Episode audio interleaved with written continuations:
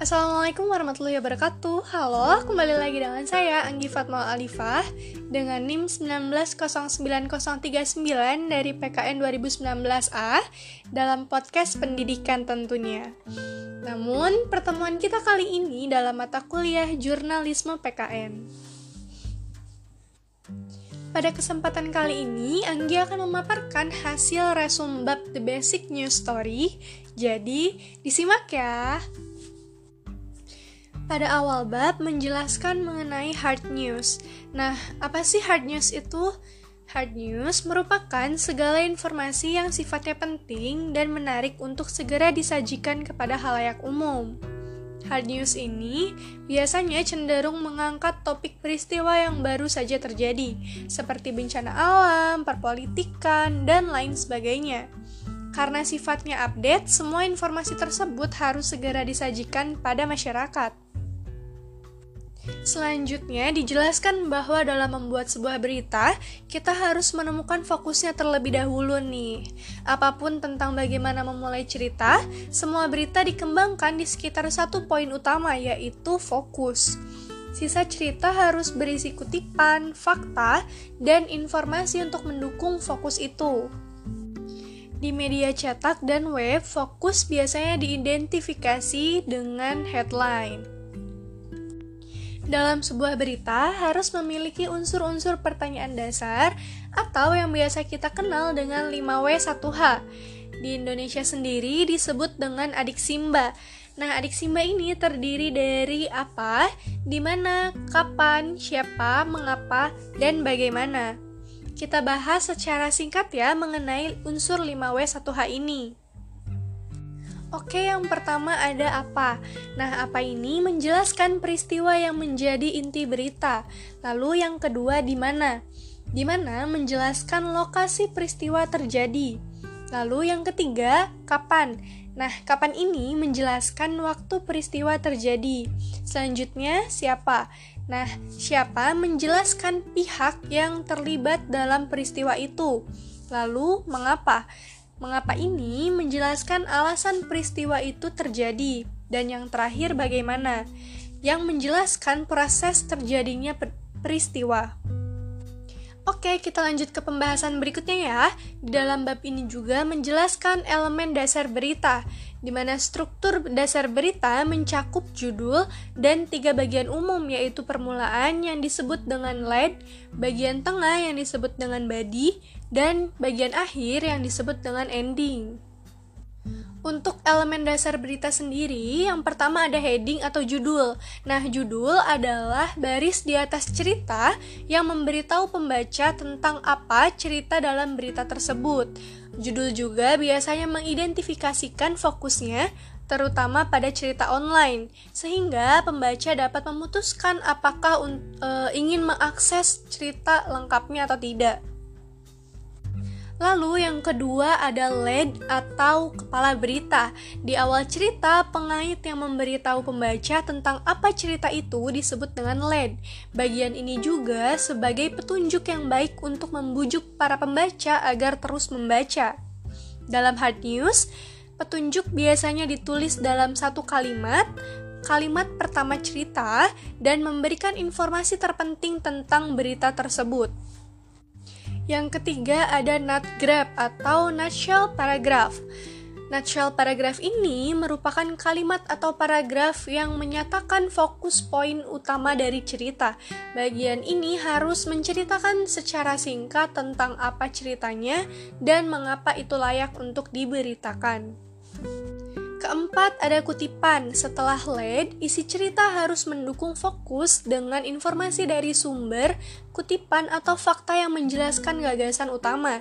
Jika suatu berita memiliki kutipan yang bagus dari sumber, maka harus ditempatkan di bagian atas cerita setelah grafik lead atau not. Selanjutnya, sebuah berita harus memiliki pengaruh. Jika memungkinkan, penulis harus menjelaskan bagaimana berita tersebut mempengaruhi pembaca. Kemudian ada atribusi. Dalam konteks penulisan berita, atribusi berarti memberitahu pembaca tentang sumber atau asal informasi. Umumnya, atribusi menggunakan nama lengkap dan jabatan narasumber.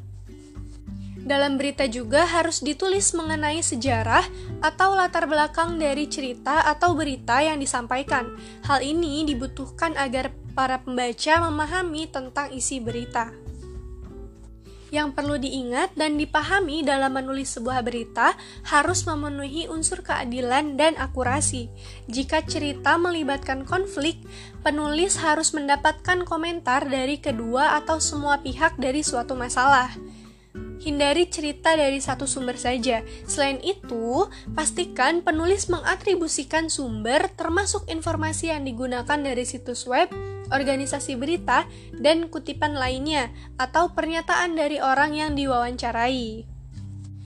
Nah, yang terakhir, jenis akhiran yang paling umum mencakup salah satu elemen berikut.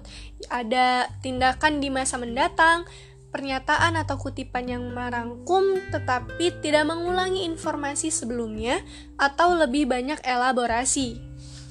Oke, pembahasan selanjutnya mengenai visual. Nah, teman-teman pasti tahu ya apa yang dimaksud dengan visual.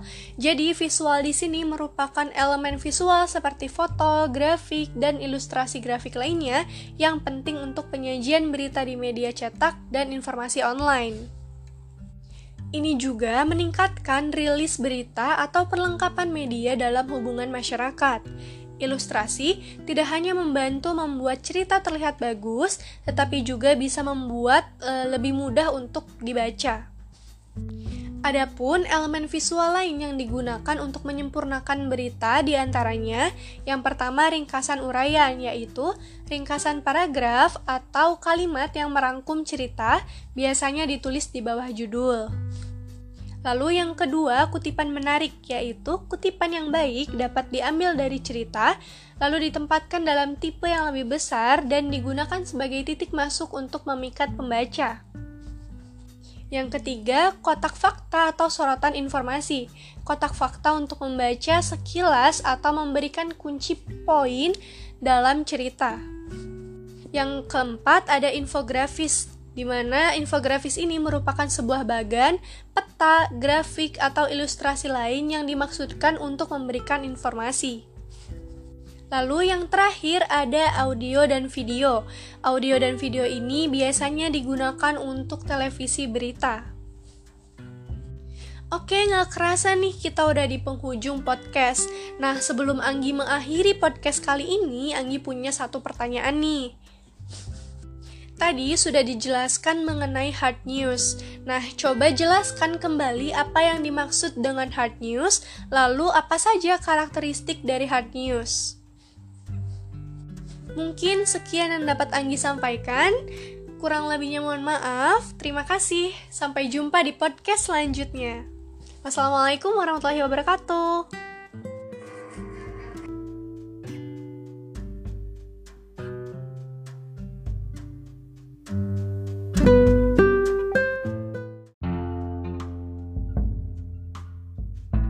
Selanjutnya, di sini saya akan menanggapi pertanyaan dari kelompok 2, yaitu dari Ajeng mengenai tips membuat blog yang baik. Yang pertama, dalam menulis menggunakan kalimat yang singkat karena konten yang diunggah bukan merupakan makalah. Yang kedua yaitu jelas, gunakan kalimat yang sederhana, tujuannya agar e, artikel atau tulisan yang kita buat bisa dipahami lebih banyak orang karena pembaca bisa saja berasal dari berbagai kalangan dengan tingkat pemahaman yang berbeda. Lalu yang ketiga berfokus, pilihlah topik blog yang sesuai dengan minat dan keahlian. Dengan demikian tidak ada kata bosan ketika mengelola blog atau uh, kehabisan ide saat akan menulis konten. Selain itu, pilihlah topik yang paling banyak dibutuhkan masyarakat. Hal ini biasanya uh, kita ketahui dari banyaknya pencarian yang dilakukan di mesin pencarian. Lalu yang keempat berhati-hati, periksa setiap ejaan dan tata bahasa yang digunakan. Selanjutnya menarik, dalam menulis sebuah artikel atau opini yang diunggah dalam blog harus ditulis semenarik mungkin agar dapat memikat para pembaca. Kemudian, dalam menulis sebuah opini atau artikel, kita juga harus bersikap komunikatif. Tulis opini seolah kita berbicara dengan teman kita sendiri. Selanjutnya, bersikap akurat dan adil, di mana tulisan atau berita yang ditulis harus benar. Kemudian, dalam menulis juga kita harus punya target audiens, harus mengetahui target para pembaca. Lalu judul yang ditulis juga harus jelas. Kemudian tambahkan situs link yang relevan. Lalu yang terakhir tambahkan pertanyaan atau pemikiran di akhir.